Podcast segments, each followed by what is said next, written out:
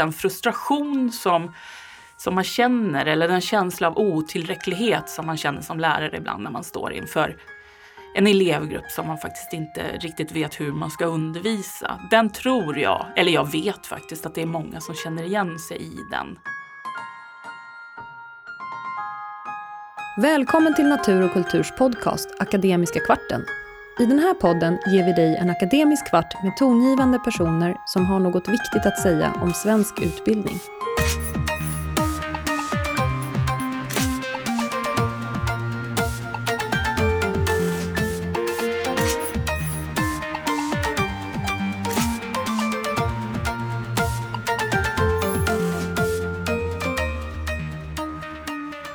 Jag heter Niklas Gårdfeldt Livi och är utgivningschef för pedagogisk litteratur på Naturkultur. I det här avsnittet träffar jag Anna Kaja, författare till boken Att undervisa nyanlända. Idag sitter vi på Naturkultur eh, på Karlavägen i Stockholm. Det är ett novemberregnigt Stockholm och eh, jag är förkyld och eh, Anna Kaja som jag ska träffa är förkyld så vi får se hur hur vi lyckas hålla hostningar och sådana saker i check, jag och Anna. Men eh, hur som helst, eh, idag ska vi träffa Anna-Kaja eh, och eh, du har skrivit en bok som heter Att undervisa nyanlända, metoder, reflektioner och erfarenheter. Du är en väldigt tongivande person, eh, inte minst eh, på nätet men också eh, på golvet och inom akademin. Du är väldigt bred. Eh, men jag skulle börja med att fråga eh, så att du själv kan presentera dig. Vem är du Anna-Kaja och eh, hur är du verksam? Hej, kul att vara här förresten Niklas. Eh, jo, vem är jag? Först och främst så är jag lärare. Eh, jag är lärare i svenska som andraspråk och eh, jag har min erfarenhet av att undervisa nyanlända elever. Men jag jobbar inte bara som lärare utan jag jobbar också på Nationellt centrum för svenska som andraspråk vid Stockholms universitet. Och vi är ju ett resurs och eh, utvecklingscentrum på uppdrag av regeringen. Så vi håller på väldigt mycket med utvecklingsfrågor kring flerspråkiga elevers lärande i alla skolformer. Eh, vilket är väldigt mycket kompetensutveckling. Men jag arbetar också med att vara en resurs via webb och sociala medier och det är ju därför jag syns ganska mycket just i, i de här, eh, på de här plattformarna. Och sen har jag en del av mitt uppdrag som också handlar om att vara vad ska man säga, lite opinionsbildare, eh, försöka påverka beslutsfattare, men också svara på väldigt mycket frågor om framförallt undervisning kring nyanlända och eh, ja, lagstiftning och förordningar och lite sånt. Så att jag har två jobb, 50-50. Så att 50 procent är jag lärare på Sofielundsskolan i Sollentuna och 50 procent är jag på Nationellt centrum. Mm. Och I din bok så beskriver du din egen resa eh, i, som lärare om att undervisa nyanlända elever. Skulle du kunna beskriva den här resan lite kortfattat? Ja, eh, att undervisa nyanlända. Jag, min första lärartjänst fick jag i slutet på 90-talet eh, och jag kände mig ganska ensam i just att undervisa de nyanlända eleverna. För att det, det kändes som att man var lite vid sidan av, precis som de nyanlända eleverna ibland uttrycker att de, de är lite vid sidan av, de får inte liksom vara med. Och jag tyckte det var svårt, det var svårt att omsätta både kursplaner och, och liksom, eh, eh, skolans författningar till, till just de nyanlända elevernas behov. Och de var ju osynliga, det, jag menar, det stod ingenting om nyanlända elever i, i skollagen eller Eh, och kursplanen i svenska som andraspråk fick man ju då försöka omsätta så gott man kunde. Eh, och inte hade jag speciellt många kollegor heller med den här erfarenheten. Och på den tiden så fanns ju inte sociala medier på det sätt som finns idag. Så att jag fick ju försöka eh, vad ska man säga, lära mig så mycket som möjligt genom att eh, ja, plugga vidare, läsa, leta upp lärare som hade erfarenhet. Och jag har tänkt många gånger efteråt att Eh, vad skönt det hade varit om det fanns liksom en bok eller i alla fall någonting som man kunde vända sig till. En, en erfaren lärare som, kunde, som man kunde ställa de där frågorna till. Och, och därför skrev jag den här boken. För att eh, det är den boken som jag själv hade velat ha som ny lärare. Och jag tror att igenkänningsfaktorn är ganska hög. Även om min erfarenhet som ny lärare är ja, nästan 20 år sedan så är det många av frågeställningarna som är de samma just kring huret i klassrummet. Liksom, hur ska jag undervisa när jag och mina elever inte har ett gemensamt språk? Mm. För det är ju inte bara så att de ska lära sig svenska, de måste ju också lära sig alla andra kunskaper i alla ämnen precis som vilka elever som helst på ett nytt språk om man då inte har den stora fördelen att ha flerspråkiga kollegor som kan undervisa på, på, på elevernas modersmål till exempel. Men det, det har man ju inte alltid, så man måste ju försöka göra det bästa av situationen. Så att min utvecklingsresa, eh, det handlar mycket om eh, alla de frågor som jag har ställt till mig själv. Och det finns en del citat i boken, bland annat varje kapitel inleds med, med ett citat och det är ur min egen dagbok. Alltså den frustration som, som man känner eller den känsla av otillräcklighet som man känner som lärare ibland när man står inför en elevgrupp som man faktiskt inte riktigt vet hur man ska undervisa. Den tror jag, eller jag vet faktiskt att det är många som känner igen sig i den. Sen så finns det inga enkla svar. Det finns inga enkla lösningar på komplexa problem, eh, varken i, i livet eller i undervisningen. Men jag tror ändå att det kan vara ett stort stöd att få följa och, och tänka liksom, hur, hur har en annan lärare gjort när den här läraren ställdes inför det här problemet eller den här utmaningen? Vad gjorde hon eller han då? Det har jag försökt vilja förmedla i min, i min bok. Mm. En av de centrala, eh, ett av de centrala arbetssätten du lyfter fram är språk och kunskapsutvecklande arbetssätt. Vi kan komma tillbaka till det om en liten stund. Men jag kände igen mig eftersom jag har varit lärare i 15 år.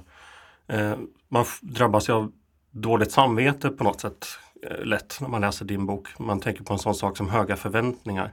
För att när man inte har med redskapen som du ger och den här teoretiska förståelsen som du ger. Så jag insåg i alla fall att jag sänkte ju mina förväntningar på de eleverna som hade språkliga problem eller som hade kommit till Sverige ganska nyligen. Jag skulle kunna förklara lite grann kring det här med höga förväntningar och hur man ska tänka som lärare. Ja, vikten av höga förväntningar, eh, det är ju avgörande. Eh, men när man står där inför en elevgrupp som man då inte kan kommunicera med, vilket ofta är fallet när man har nyanlända elever, Eh, då är det väldigt lätt hänt att man både förenklar sitt språk, vilket man måste göra för att kanske göra sig förstådd, men att man också kanske förenklar de texter som man ska använda i ämnesundervisningen. Och helt plötsligt så är ju det omedvetet leder det till att man sänker förväntningarna på vad eleverna ska lyckas prestera. Och här får man ju liksom stanna upp och tänka att, men vänta nu här, de här eleverna har faktiskt redan minst ett språk att tänka på. De kan använda ett annat språk än svenska för att tänka utmanande tankar och lära sig ny kunskap. De behöver inte alltid lära sig alla dessa invecklade, eh, vad ska man säga, eh, orsakssamband och konsekvensbeskrivningar och allt vad det kan vara. Det behöver inte vara, ske på svenska. Men det tog mig ganska många år som lärare att förstå att jag faktiskt måste låta eleverna tänka och skriva och läsa på eh, deras starkaste språk för att det ska gynna då deras kunskapsutveckling. Sen måste man ju också se till att de utvecklar svenska språket, självklart. Men det får inte bli på bekostnad av kunskapsutvecklingen. För att om det är, låt säga en, en eh, 12-åring som kommer till svensk skola som kanske har gått i skola i 5, 6, 7 år så har ju den eh, eleven en massa kunskaper med sig på ett annat språk. Och det är ju inte meningen att den eleven ska ägna flera år åt att översätta redan inlärd kunskap till svenska, utan de måste ju samtidigt som man lär sig svenska även fortsätta utveckla de här kunskaperna. Och där tycker jag att svensk skola överlag har blivit mycket, mycket bättre. Vi, vi, vi vet nu att vi måste ta reda på vad eleverna redan kan eh, när vi ska planera eh, undervisningen. Men eh, hur man gör detta är fortfarande inte helt enkelt och där måste vi använda elevernas starkaste språk, eller deras modersmål kan det ju vara, det kan vara ett annat skolspråk också, eh, som resurs. Mm. Och då kommer vi in på translanguaging som begrepp till exempel. Precis. Skulle du kunna beskriva vad det är? Ja, eh, jag tar ju framförallt upp translanguaging ur ett pedagogiskt perspektiv. Eh, och det innebär helt enkelt eh, olika sätt som man kan använda sig av elevernas flerspråkighet som resurs. Både i undervisningen men också resurs i deras lärande så att de då lär sig så mycket som möjligt.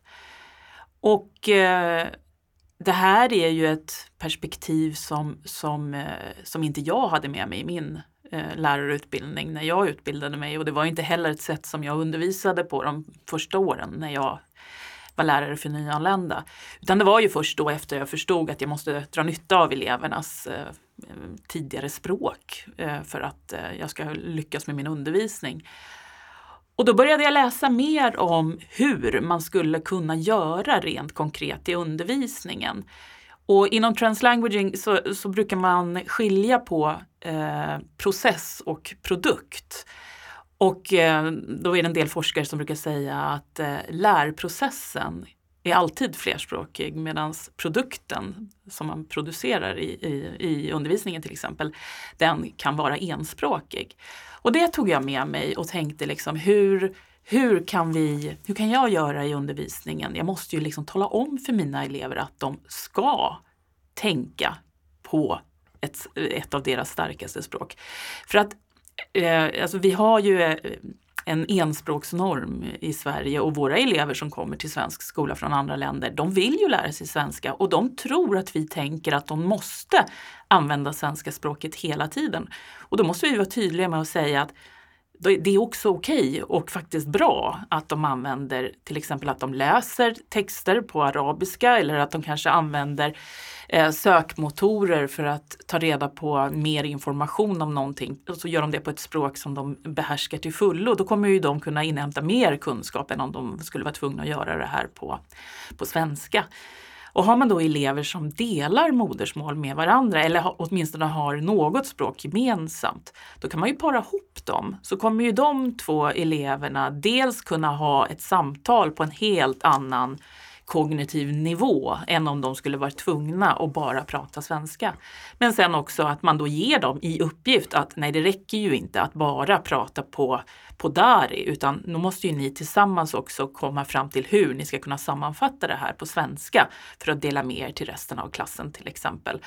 Så att mer struktur kring hur man använder olika språk i undervisningen i vilket syfte. Det tog jag verkligen med mig av, av translanguaging. Mm. Sen måste man också komma ihåg att translanguaging är ju större än bara själva eh, de olika namngivna språken. Det handlar ju också om att vi måste värdesätta eleverna som individer och liksom värdesätta den kultur och den språkliga bakgrund de har med sig. Och så att det betyder ju också vad väljer jag för litteratur i min undervisning? Väljer jag eh, kanske författare som kommer från eh, andra länder än, än eh, Sverige och Västeuropa eller USA? Eh, Diskuterar vi frågor, alltså kanske dilemman och liknande som har sitt ursprung i en annan kultur än den som kanske är min. Eh, och det här krävs ju att vi faktiskt öppnar upp ögonen eh, för att vi är ju på något sätt färgade av vår egen uppväxt, vi lärare, det säger jag nu som svensk eh, medelålders kvinna. Eh, så att mina elever har ju lärt mig väldigt, väldigt mycket om hur det är att växa upp och leva i andra kulturer som inte är som den som jag är van vid. Och det måste jag på något sätt lyfta in och synliggöra i undervisningen. Mm. En sak som slog mig när jag hade, eh, jag undervisade många eh, nyanlända elever.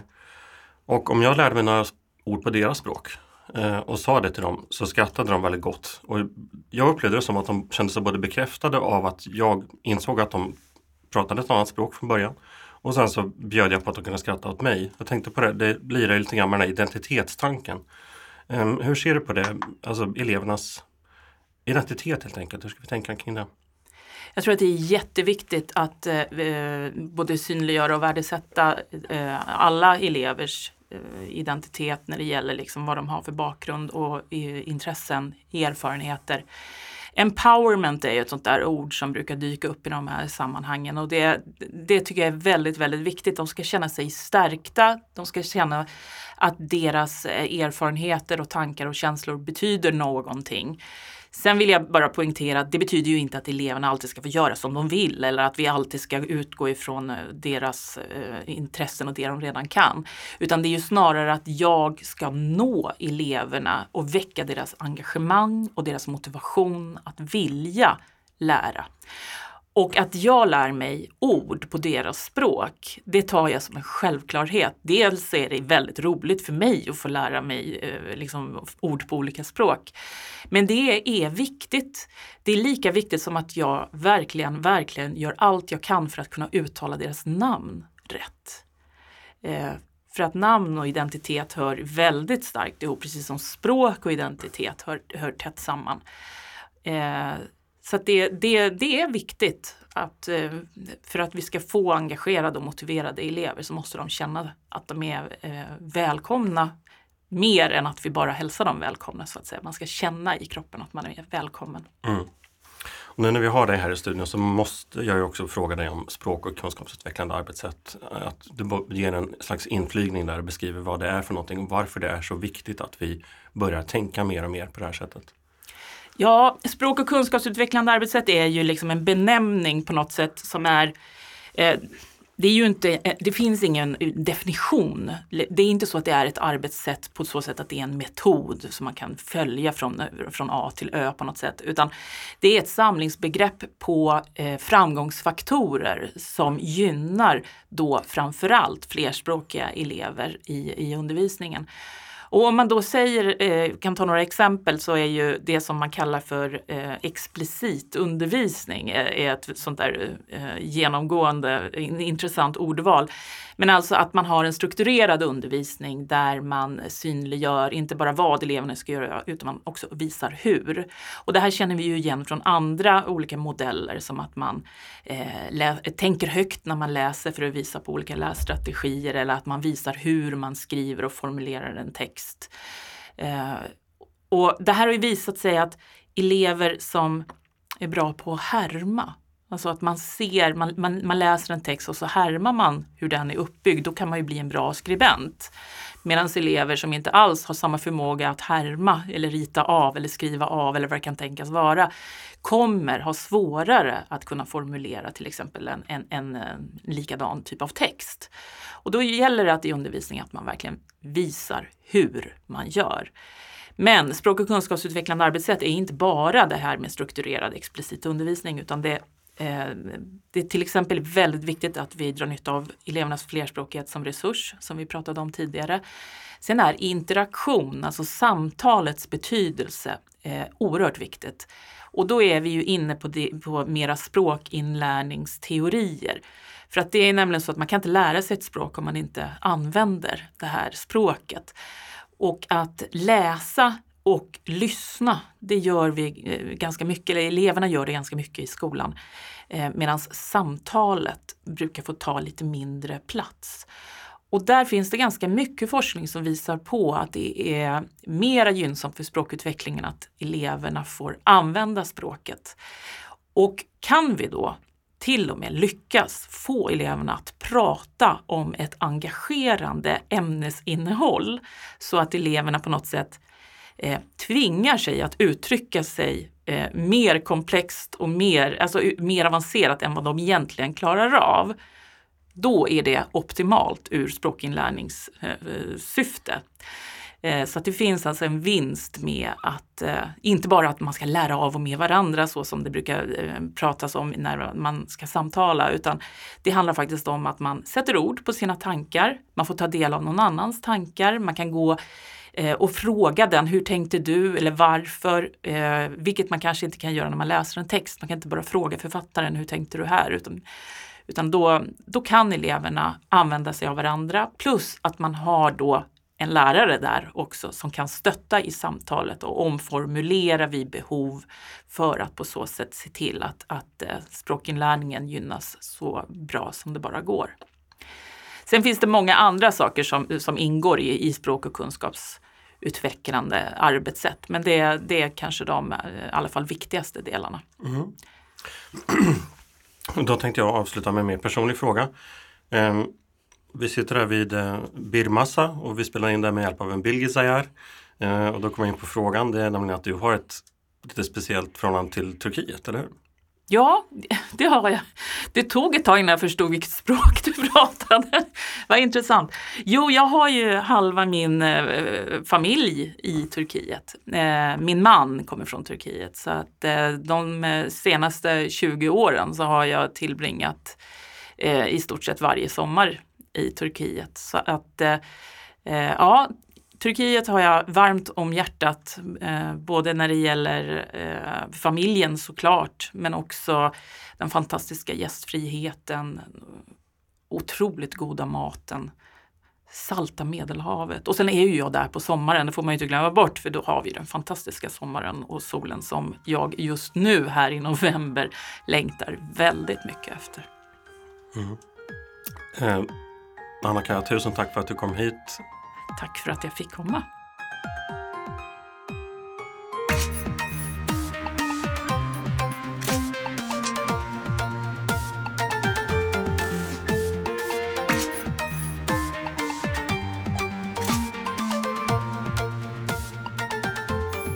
Förlaget Natur och kultur är en stiftelse som utan ägare kan agera självständigt och långsiktigt. Vårt mål är att genom stöd, inspiration, utbildning och bildning verka för tolerans, humanism och demokrati.